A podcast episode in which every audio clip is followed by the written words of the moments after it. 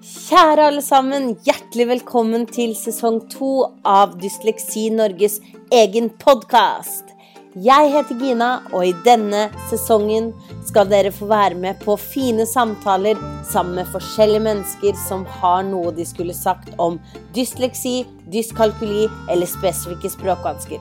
Første episode snakker vi med Dora Thorvaldsdottir. Hun er standup-komiker og relasjonsterapeut og vi skal snakke om leksefri skole. Sett dere ned og nyt episoden. Vi høres!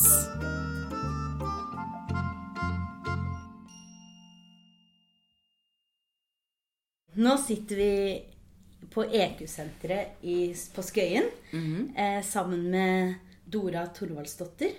Du er eh, standup-komiker og relasjonsterapeut. Ja. Veldig hyggelig at du ville være med i vår podkast.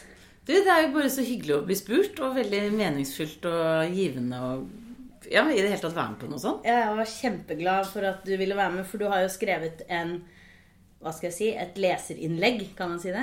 Ja, eller jeg skrev det faktisk på min Facebook-side. Ja, var ganske forbanna egentlig når jeg skrev det. Jeg tenkte hva er det vi driver med? Og så skrev jeg bare et sånn følelsesutbrudd og gikk og la meg. Dette var jo på kvelden. Mm. Og dagen etter så skjønte jeg å ja, det var flere ja. som var enig. ja, For dette handler jo om leksefri skole. Ja. Og så ble det alt mulig Jeg dro jo til God morgen Norge, og så kom dette her i VG, og da fikk det virkelig spredt seg. Mm. Og så ble det delt veldig mye, og så fikk jeg så mange kommentarer. Ja. Og det vil absolutt si det var flest kommentarer om var enten personlig Jeg har lese- og skrivevansker, eller jeg har dysleksi eller dyskalkuli eller jeg sliter. Eh, og har så dårlige erfaringer når jeg tenker tilbake. Eller barnet mitt. Mm. Eh, det var det som det gikk mest av. Ja. Fordi at jeg hadde skrevet bare noen få setninger. Hva med de som sliter på skolen fra mm. før pga. at det er vanskelig å lese? Ja. Hvordan er det å bli dytta på lekser hver dag i årevis? Hva mm. gjør det med et menneske? Det, så jeg vil absolutt påstå at det var kanskje de som reagerte mest. Mm. Kan du ikke si litt om hva eh, leserinnlegget ditt, eller det du skrev på ja. Facebook, han, hva innholdet var? Ja. Du, det det begynte med, var at jeg satt med mine to barn, som er 10 og 13, og 40% av de som eh, går på skolen deres, eh, er ikke etnisk norske. Mm. Sånn at det vi snakka om, var at når leksene ble gjennomgått, så var det veldig mange av de som sleit. For de har, har i veldig mange tilfeller ikke norsktalende foreldre. Og flere av de kommer jo rett fra krig i Syria. Mm.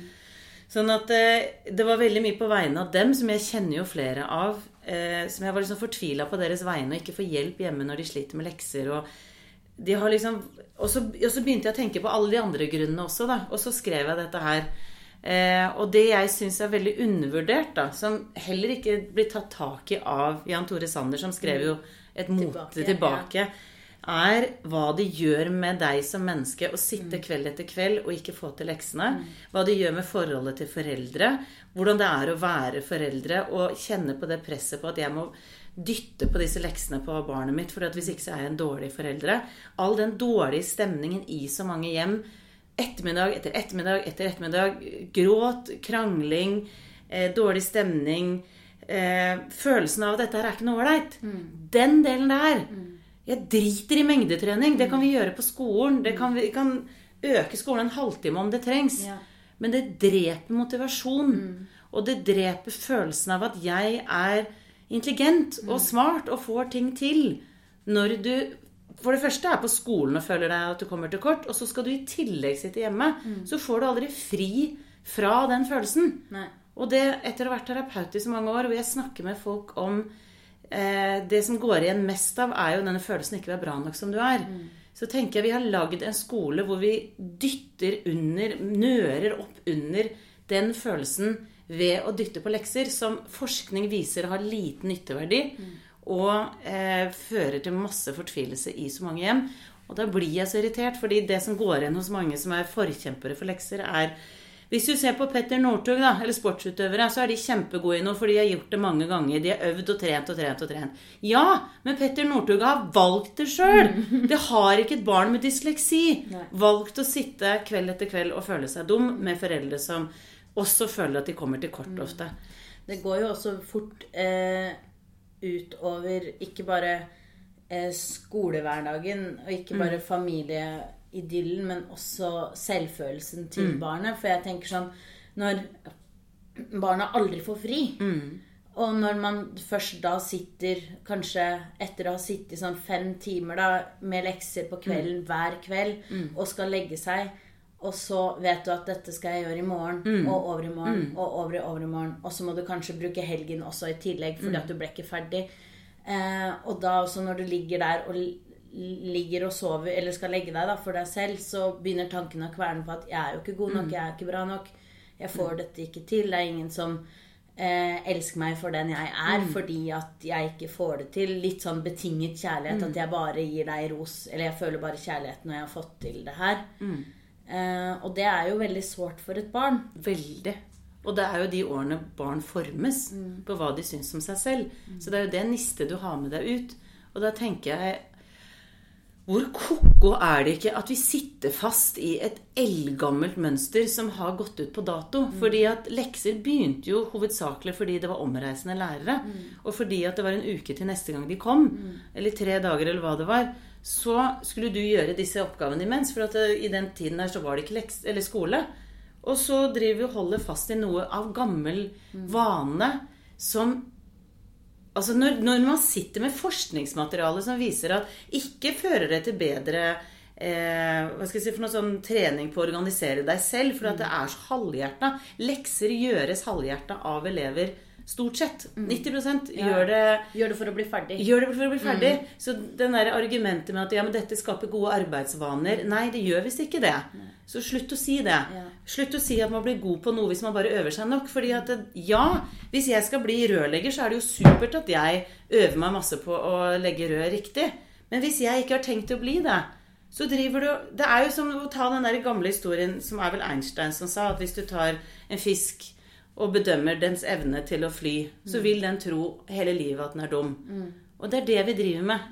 Og derfor er lekser en sånn førstestopp på dette her trenger jo bare å kutte ut. Og så er det veldig lett for oss og voksne å sette oss inn i situasjonen for barn hvis vi tenker at hvis vi hadde hatt det på samme vis.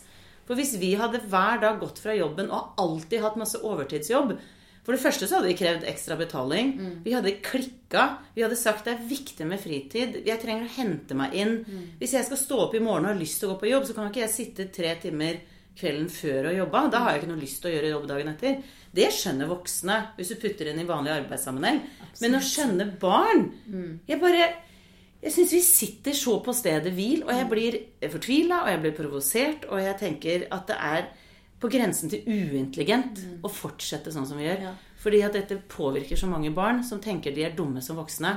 Og er vi virkelig tjent med et sånt samfunn? For det, det Etter å ha hørt på deg og din eh, kunnskap i forhold til dette med terapi og sånn, så har jeg jo forstått at, som du også nevnte nå, at eh, du formes jo i nettopp skolealderen som et individ. Og når du da kommer som voksen, så Altså Når du blir voksen, så henger det jo fortsatt igjen. Det lille barnet Du snakker jo mye om å se barnet i deg selv. Og sånn som for min del, da, som har slitt med dysleksi hele livet og skulka skolen i fjerde klasse, for jeg orka ikke å være på skolen. Jeg sa til læreren at jeg hadde kasta opp, og så fikk jeg gå hjem. Bare for å få noen timer fri før mamma og pappa kom hjem og jeg måtte begynne med lekser. ikke sant? Så er det jo Du mister jo hele den indre deg, da. Fordi at du ikke orker å nesten se deg selv i speilet om morgenen, morgenen fordi at du føler at ingen elsker deg for den du er, fordi at du aldri får til noen ting. Det er jo sånn man selv tenker. Det er jo ikke det at foreldrene ikke gjør det, men det er det du som et lite barn Ja. sitter med, og det drar du med deg videre. Ja. Kan du ikke si litt om den prosessen det er med Mm. Ja. dette lille barnet, liksom? Jo, det som du snakker om, er jo det jeg brenner veldig for. Og det er at hvis barn lærer at deres verdi ligger i hva de presterer, så vil jo det å ikke prestere på skolen være ensbetydende med at 'jeg er jo ikke så viktig', 'jeg er ikke verdifull'. Eh, og det er den type samfunn vi har hatt i mange generasjoner. Oppdragelsen har vært veldig betinget og veldig eh, Når du gjør noe riktig, da er du bra. Og så har vi det fremdeles veldig mye rester av det, fordi at de vi får liksom dytte fram og opp, er jo de som lykkes med ting. Det er vi veldig sånn opptatt av. Mm. de som har suksess, de som er vakre, pene, rike. De følger en eller annen mal, da. Og eh, det er jo nå egentlig for første gang at folk tenker at et liv kan være mislykka. Det har aldri vært sånn før. Før har man tenkt man lever et liv, og så jobber man, og så eh, Eller ikke, eventuelt. Men, men nå er det en sånn eh, verdi på livet ditt. Liksom. Er det vellykka eller ikke? Hvilke ternekast har du på ditt eget liv, omtrent? Og da tenker jeg at det, det er jo så misforstått. Og da tenker jeg vi driver jo og skaper dette her allerede i skolen ved å få karakterer, ved å bli vurdert, ved å skulle pugge ting og gulpe opp på en prøve. Og hvis du da sliter med å lese, da sliter du med å forstå det som står der. Altså, det er, du har tapt allerede.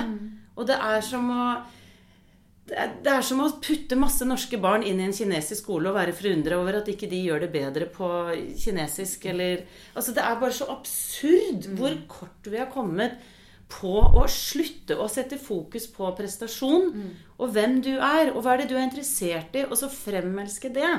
Og jeg syns det er så absurd at vi har kommet langt på forskning innen pedagogikk. Eh, New Zealand er jo liksom Det kalles jo pedagogikkens gru... Eh, hva heter det for noe eh, Hva heter det? Sånn der eh, krybbe. Ja. At det er, det liksom, det er der virkelig de har fått forståelsen for pedagogikk, og der de lykkes veldig, veldig langt. Og der viser det seg at det å jobbe i team i kortere perioder, sånne stasjoner, er måten barn lærer best på.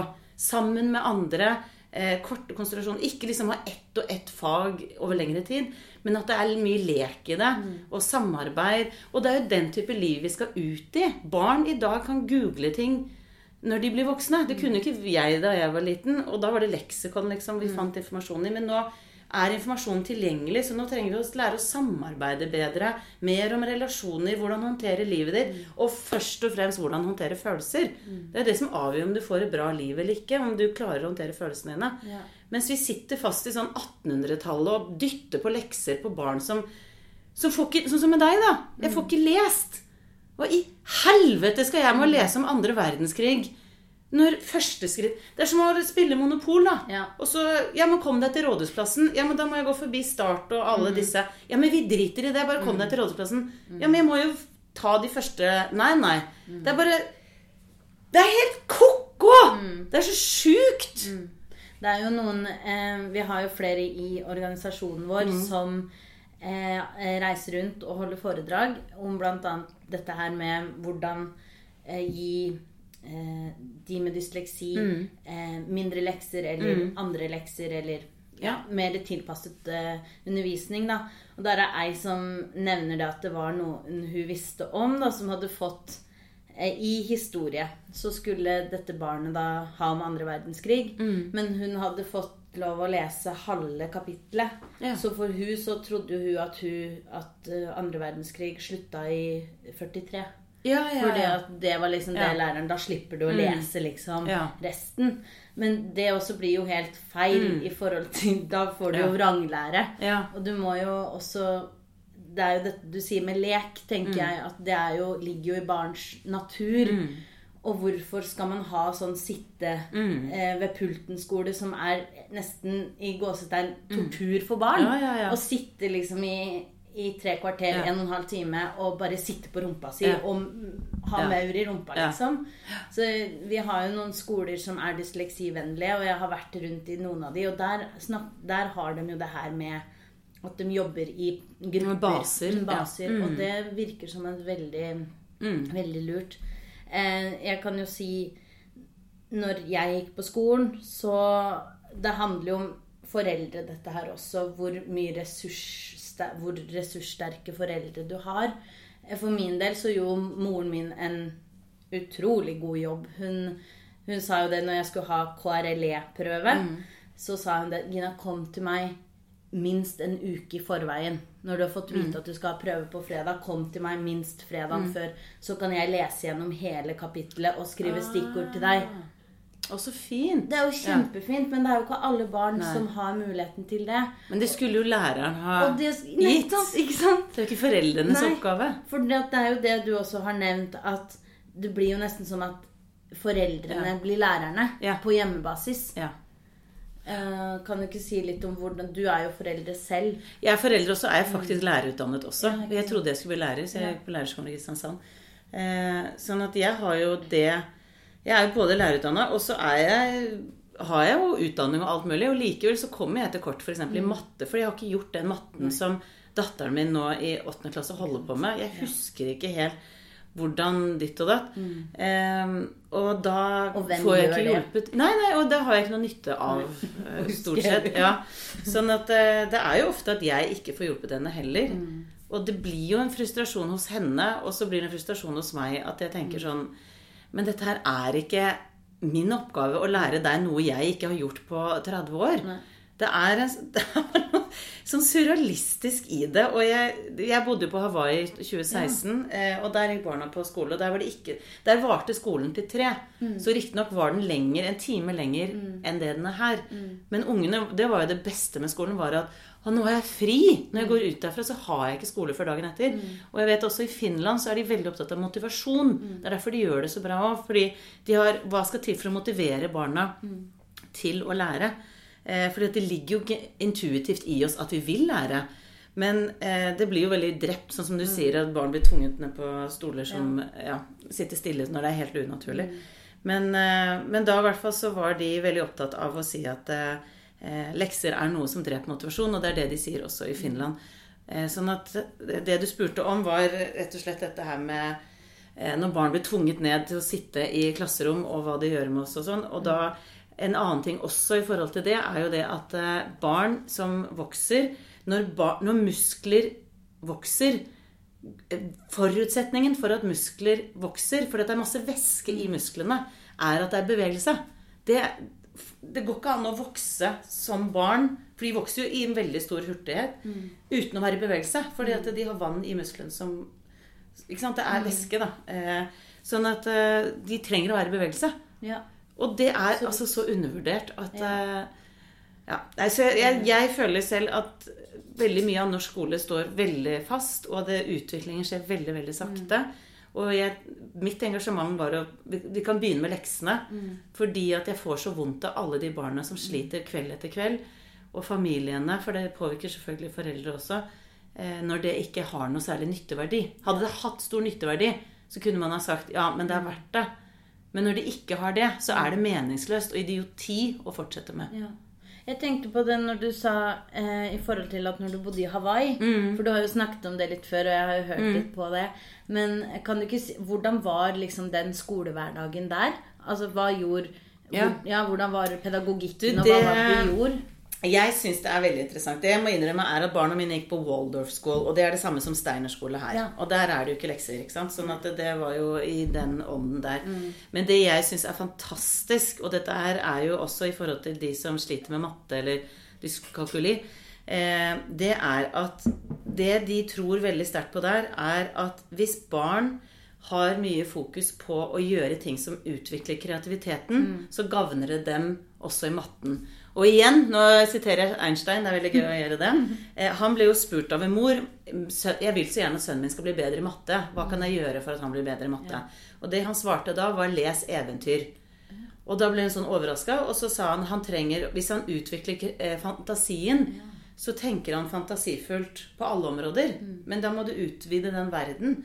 Sånn at det er det de går veldig hardt inn for. At de har mer dans, mer drama, mer kunst, tegning, maling, eh, forming. Ja. Mye mer Bruke hendene, Bruke hendene, skape ting. Sanser. Sanser, ja, ja, mye mer musikk. Eh, sånn at de hadde mye mer den type fag, og mindre matte. Og det som var veldig gøy, vi var jo på et sånn informasjonsmøte da vi kom, Mm. var at de skolene der har mindre matte per uke, men gjør det bedre nasjonalt fordi barna har denne evnen til å tenke annerledes eller nytt eller selvstendig som barn som blir veldig mye fora. Gjør sånn og gjør sånn og gjør sånn og gjør det matte. Og så når du kommer til et stykke da, som du syns er vanskelig, så har du ikke fått øvd opp kreativiteten til å tenke selv på samme måte. Ja, det, og, det, og jeg kjenner meg så sinnssykt godt igjen i det du sier. Fordi en, igjen når jeg hadde matte på ungdomsskolen, eh, og rett før liksom eksamen eller tentamen eller ja, så spurte jeg mattelæreren min, og han var veldig sånn av gammel skole, ikke sant? Så det var masse tavleundervisning, og det var det hele. Og jeg var jo på en toer i matte. Men så har jeg jo også litt sånn flink pikesyndrom som gjør at jeg skal jo gjøre det beste jeg kan.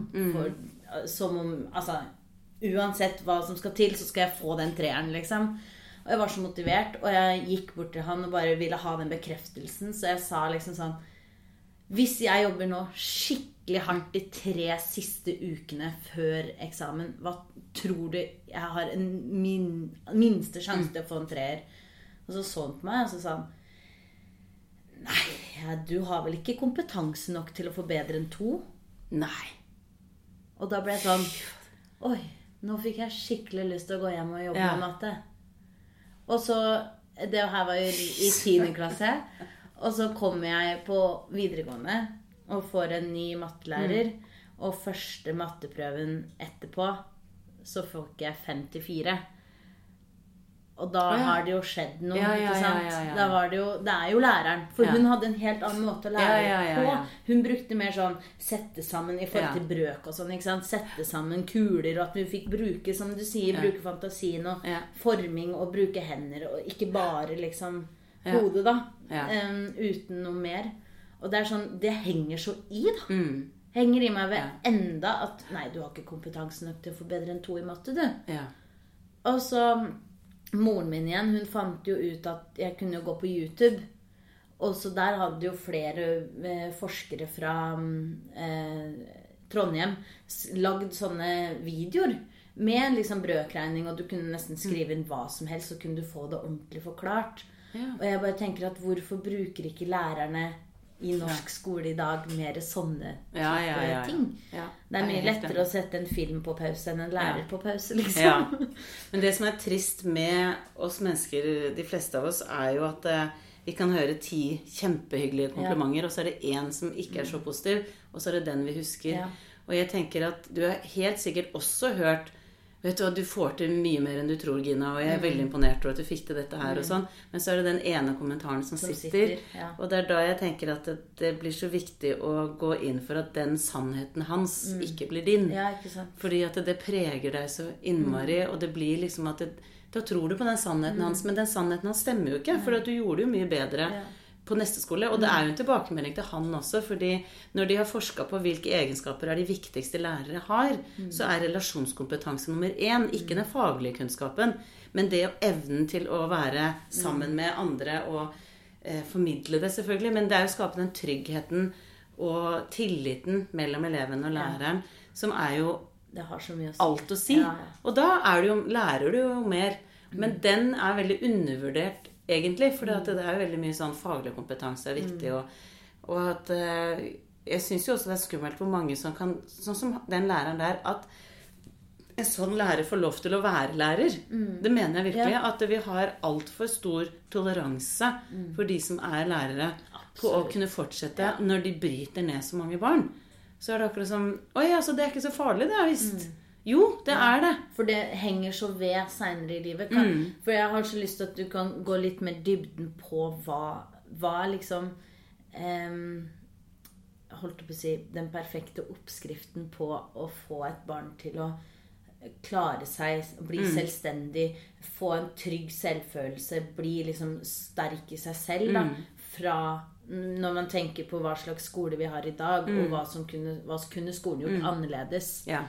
Eh, for å Nå, eh, ja, for jeg hører at du nevner skole her, men det der mitt hjerte ligger nærmest, er faktisk barnehagen. Og grunnen til det er at mm. din selvfølelse, den mest grunnleggende følelsen av din verdi, blir lagt de første seks leveårene. Fra du er født, og også faktisk mors liv. Hvordan mor hadde det, har faktisk betydning også. Men de første leveårene dine, de, hvordan du blir møtt da, da legges grunnlaget. Sånn at enten begynner du på skolen som seksåring og tenker 'jeg får til hva som helst', og får et liv deretter også. Eller at du begynner på skolen og har en forståelse av at det er veldig mye jeg ikke får til, det er mye som er feil med meg. Og hvis du allerede der tenker det, så kommer du skeivt ut med en gang. Sånn at jeg har to sånne ting jeg har lyst til å nevne. Det ene er foreldre. For de legger jo grunnlaget for hva du tenker om deg selv, hvordan de møter deg. Hvis du får kritikk for å være Du tar for mye plass, du er for vanskelig, du er for mye sinna, du du er for mye. Eh, du er for stille, du er for ikke sant, Det ene og det andre. Så begrenser du. Da kjenner du at Oi, Det er mye med meg som ikke er bra nok. Jeg duger ikke, ikke sant. Og da Det formes veldig. Og det som er veldig synd, er jo at foreldre møter jo barn på samme måte som de møter seg selv på. Så vi har så mange voksne som sliter med sitt forhold til seg, og som møter barn på samme måte. Og derfor er det så mange som trenger terapi, og vi har en ganske sånn dysfunksjonell gruppe, veldig stor gruppe, i dette samfunnet fordi vi er blitt møtt på en ikke spesielt god måte da vi var barn. Ja. Eh, så du har foreldre som jeg har da Der kan de gjøre en enorm jobb bare ved å elske et barn ubetinget. Jeg tåler deg. Jeg vil ikke at du gjør dette her, men jeg liker deg. Ikke sant? Hvis du klarer Ja, å skille sak og person, så, så har det liksom veldig mye blitt gjort på å ha et barn som får god selvfølelse resten av livet. Og så har du barnehager hvor barn tilbringer faktisk flere våkne timer enn sine foreldre i løpet av en vanlig hverdag. Eh, og der har vi noe som heter EQ-barnehager, som vi driver med. Og der hvor vi har eh, Vi utdanner da Det som skjer helt konkret, er at de fleste, da, to tredjedeler av de som jobber i en EQ-barnehage, jobber med sitt forhold til seg. Som de møter seg selv på en bedre måte. For da møter de barn på en bedre måte. Så hvis jeg tåler sinnet mitt bedre, så tåler jeg barnets sinne bedre. Eller sorg, eller hva det måtte være. Og hvis barn da har foreldre som møter barna på en god måte, og går i en barnehage hvor de voksne har det godt med seg selv, og dermed møter, tåler barnets følelser, så vil barnet være rusta når de Fordi barn er følelsesvesenet fram til 6-7-årsalderen.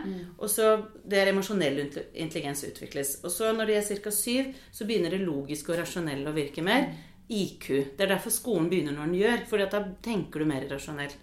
Eh, men da trenger det, det emosjonelle å være på plass. Så hvis du siden du spør liksom hva skal til for å få et godt liv, egentlig, så er det at hvis grunnlaget Hvis det blir lagt tidlig nok Vi driver med brannslukking i samfunnet vårt. Først og fremst. Og alle som kaver etter den skolegangen de har hatt, og sånn som du snakker om, følelsen av å være feil, ikke bra nok. Og så blir det sykemeldinger, og så blir det sykdom, og så er det destruktive ting som skjer. Det er brannslukking vi trenger å gjøre da. Bygge opp de som allerede er knekt. Så jeg mener at uh, vi skjønner ikke at vi ikke setter mye mer fokus på uh, å bygge opp barn. Sånn at når de kommer til skolen og kanskje får en kommentar 'Dette har ikke du kompetanse på', så har de så god selvfølelse at de kan si 'Vet du hva, det der er en veldig lite motiverende ting å si'. Ja. Og vet du hva, hvis jeg jobber skikkelig, så vet jeg at jeg kan få, det, få til ting bedre. Det raser ikke sammen inni Nei, du du vil, det vil prelle av fordi Ja. at du tenker Jøss, tenker du det, du, da? Ja. Deg om det. Ja. Men det er ikke en tilbakemelding til min verdi. Nei, absolutt. Det går ikke rett inn og treffer 100 000 sår som handler om at åh, jeg får ikke ting til. Og det, skolen er ufattelig lite tilrettelagt for alle med lese- og skrivevansker. Absolutt. Jeg tror det er veldig mange som kjenner seg igjen i det du snakker Ja. om nå. I, I vår organisasjon, annet. Eh, vi, jeg snakket med noen foreldre om at jeg skulle snakke med deg. Ah, ja. eh, og om dette med lese- og skrivevansker Eller leksefri skole, Mm. mener jeg. Og de også er jo Veldig mange er veldig for at det blir borte, Mm. og er veldig enig i det du sier og sånn. Men jeg fikk også en kommentar på at de var redd for at eh, man skulle miste kontrollen over hva barna Mm. Hvor mye barna får med seg da på skolen. Eh, har du noen kommentar Ja, til det? fordi det som skjedde da jeg skrev dette her, og var i VG og Dagbladet og Nettavisen og rundt omkring, og Fedrelandsvennen og gud veit Du kan ikke skrive noe på Facebook. Ja, det er et eller annet med at når man skriver noe som treffer, som veldig mange er opptatt av, Ja. det er da det blir delt. Men det. tok litt av, og jeg, endte jo med at jeg tenkte jeg kan ikke bare snakke om det. Vi har underskriftskampanje som Mm. Det er jo skrevet 25 000 som har skrevet under, som er veldig, veldig mange mennesker. Ja. Så det er jo et kjempeengasjement. Og så leverte vi da dette her til dem, fordi at det er en litt sånn magisk grense med 25 000. Og da blir det mer tatt Ja. innover at oi, dette angår en veldig stor del av befolkningen.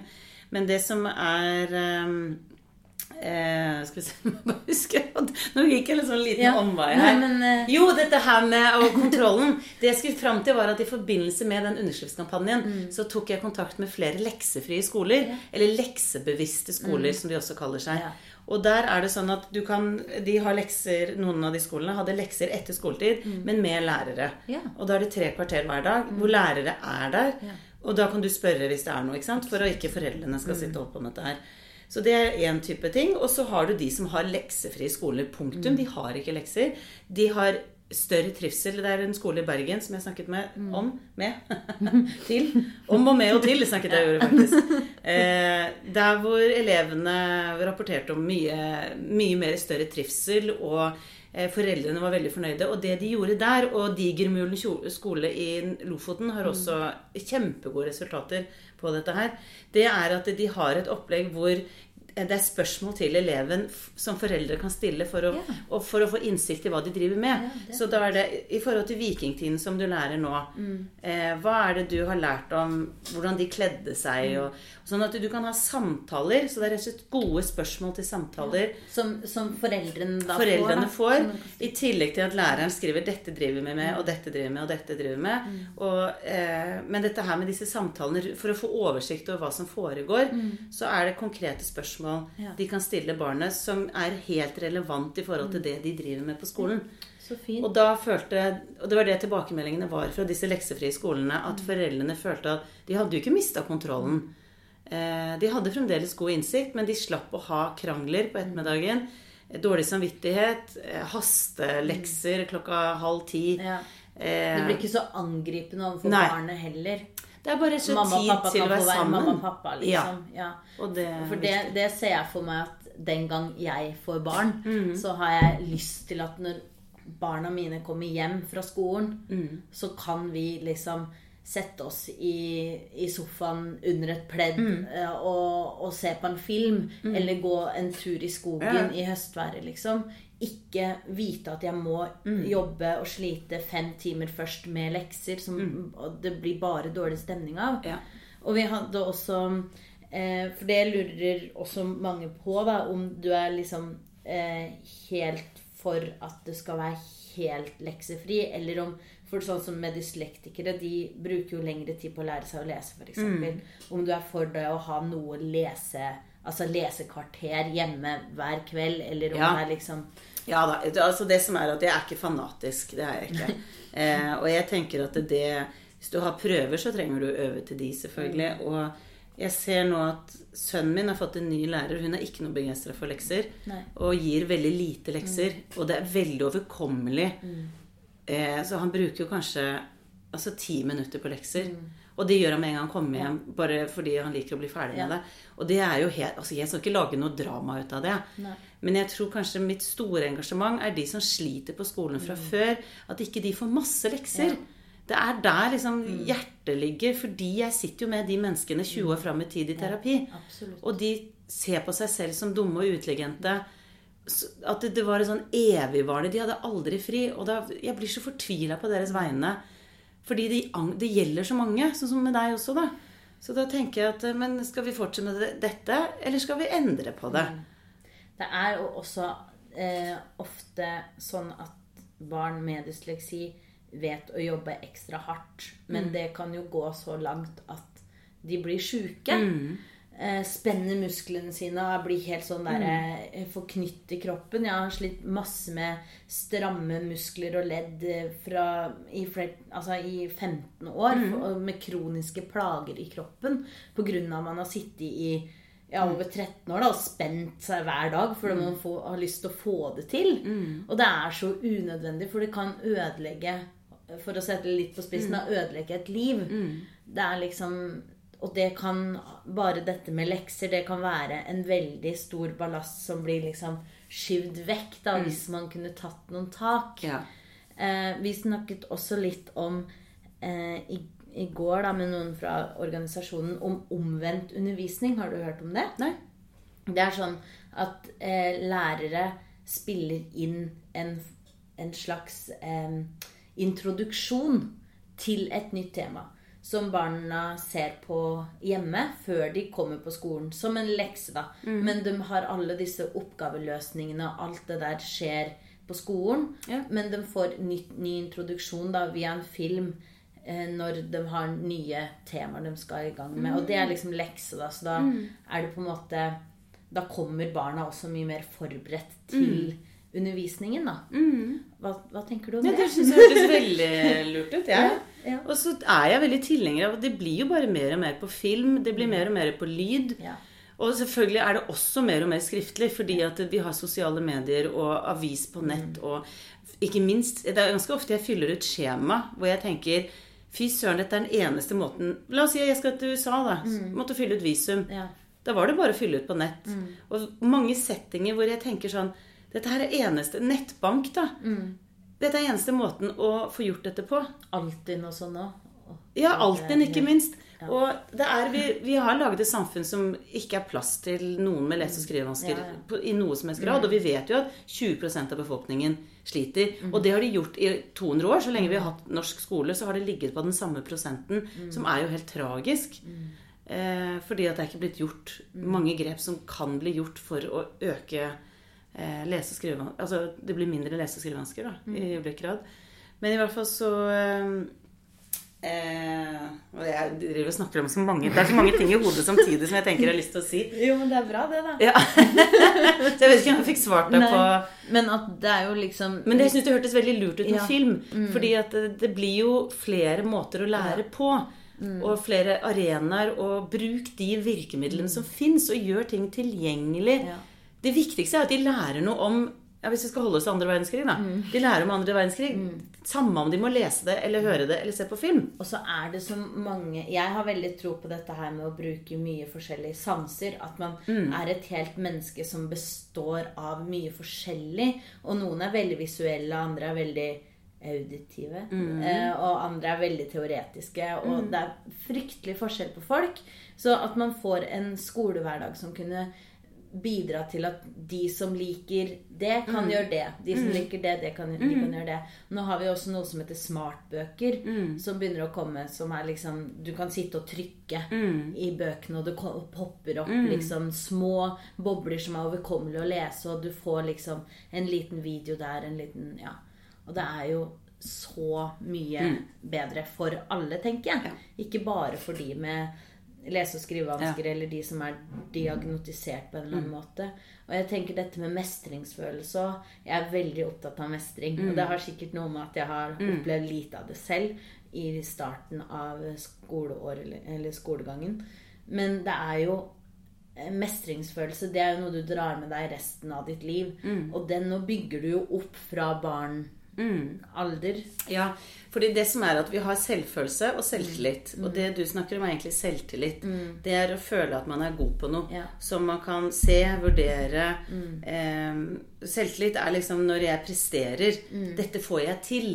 Og du kan ha høy selvtillit på løping eller lesing, f.eks. Eller på jobben din, eller det det er områder du føler du behersker. Da får du god selvtillit på det området. Men det jeg er mye mer opptatt av, er at god selvfølelse gjør at du får et godt liv. Fordi at de gangene du ikke mestrer noe, så raser ikke verden sammen. Fordi fundamentet Du kan tenke deg at det er et hus, da, og så er grunnmuren veldig solid og første etasje. Det er selvfølelsen. Og så blir på en måte selvtillit alt det andre du får til. Men det velter ikke hele Nei. Fordi jeg tenker den kommentaren du fikk med at uh, dette tror jeg ikke du har kompetanse på Hvis du hadde hatt en høy grad av selvfølelse, men lav selvtillit på matte, så hadde dette her truffet deg litt Altså det hadde vært sånn Det var en kjip kommentar. Det er stein uh, som knuste Ja, en rute, liksom. ikke sant? Ja. Men når du har liksom fått den forståelsen både direkte og indirekte fra skolevesenet på veldig mange måter, så blir det jo mer og mer sårende. Og, og så har du kanskje lav selvfølelse, da. Ja. Og da velter én sånn kommentar hele Huset. huset. Sånn at jeg tror Så selvfølelse er det jeg er veldig opptatt av. Jeg er veldig opptatt av også mestring, selvfølgelig. Fordi det er noe med å føle at jeg behersker ting. Så jeg er veldig opptatt av å gå ut av komfortsonen, f.eks. For, eksempel, for at komfortsonen øker. at da blir ikke verden så skummel. Og det handler jo om å, å mestre ulike ting. Gjøre ting du syns er skummelt. Jeg fikk det til. Jeg, ikke sant? At det gikk jo bra likevel. Ja. Eh, Så det er absolutt kjempebra. Tenker du at mestring er- eller selvtilliten kan være med å bygge opp selvfølelsen? At alt Ja, det av til en viss grad. Kan liksom, men det må komme Ja.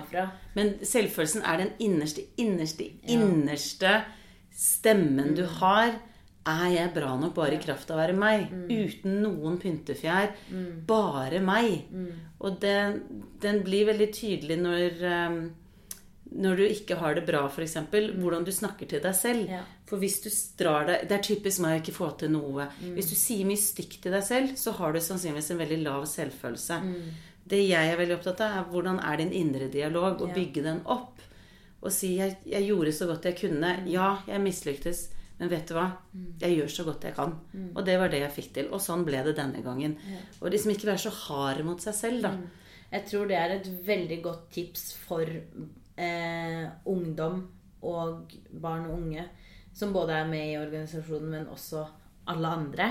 Eh, jeg hadde jo som sagt med meg en venninne og så på bobleshowet ditt og Bjørg, da, søsteren din. Og vi var enige om det fordi vi merka at vi var kanskje litt unge i forhold til det andre publikummet. Men vi sa liksom eh, til hverandre etterpå at jeg er så glad for at vi er her i en alder av 24, og ikke 45, Ja, liksom. ja, ja, ja. Vi har jo et helt liv vi kan utvikle oss på. Ja. Så selv om man kanskje har fått en litt sånn keitete start da, i livet med mye motgang, så får man, hvis man Når man er interessert i sånne her type tematikker, da, at man blir bevisst på det og kanskje klarer å få en jobbe med det selv, da, fordi Ja. det er en genuin interesse i det. Absolutt. Og det tror jeg er veldig Så takk for det.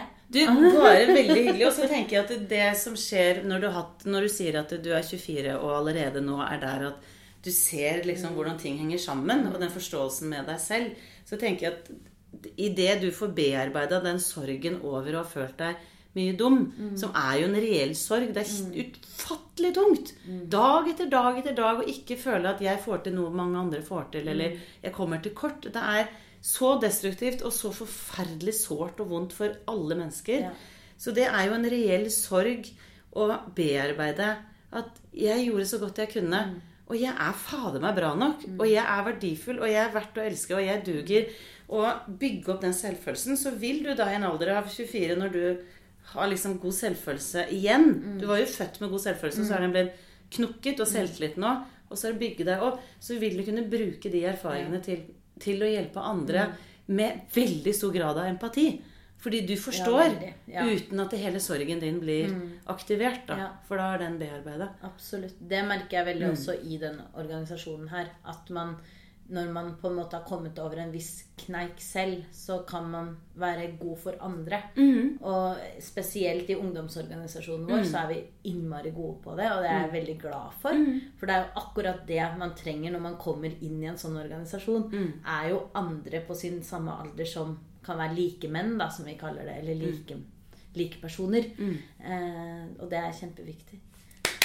Gjør en kjempebra jobb! Ja, Tusen takk. Men tusen hjertelig takk for at du ble med og snakka Ja, om det her. Jeg tror det her hyggelig. kan være skikkelig inspirerende for alle aldre, egentlig, og uansett diagnoser. Så jeg håper Ja, ikke sant? Det er jo eh, universalt, mye Ja. av det vi, snakker, vi har snakket om. Ja. Tusen hjertelig takk. Takk tilbake. Lykke til med jobben. Takk. Nå håper jeg du har kost deg med dagens episode. Vi høres snart igjen. Ha det så lenge.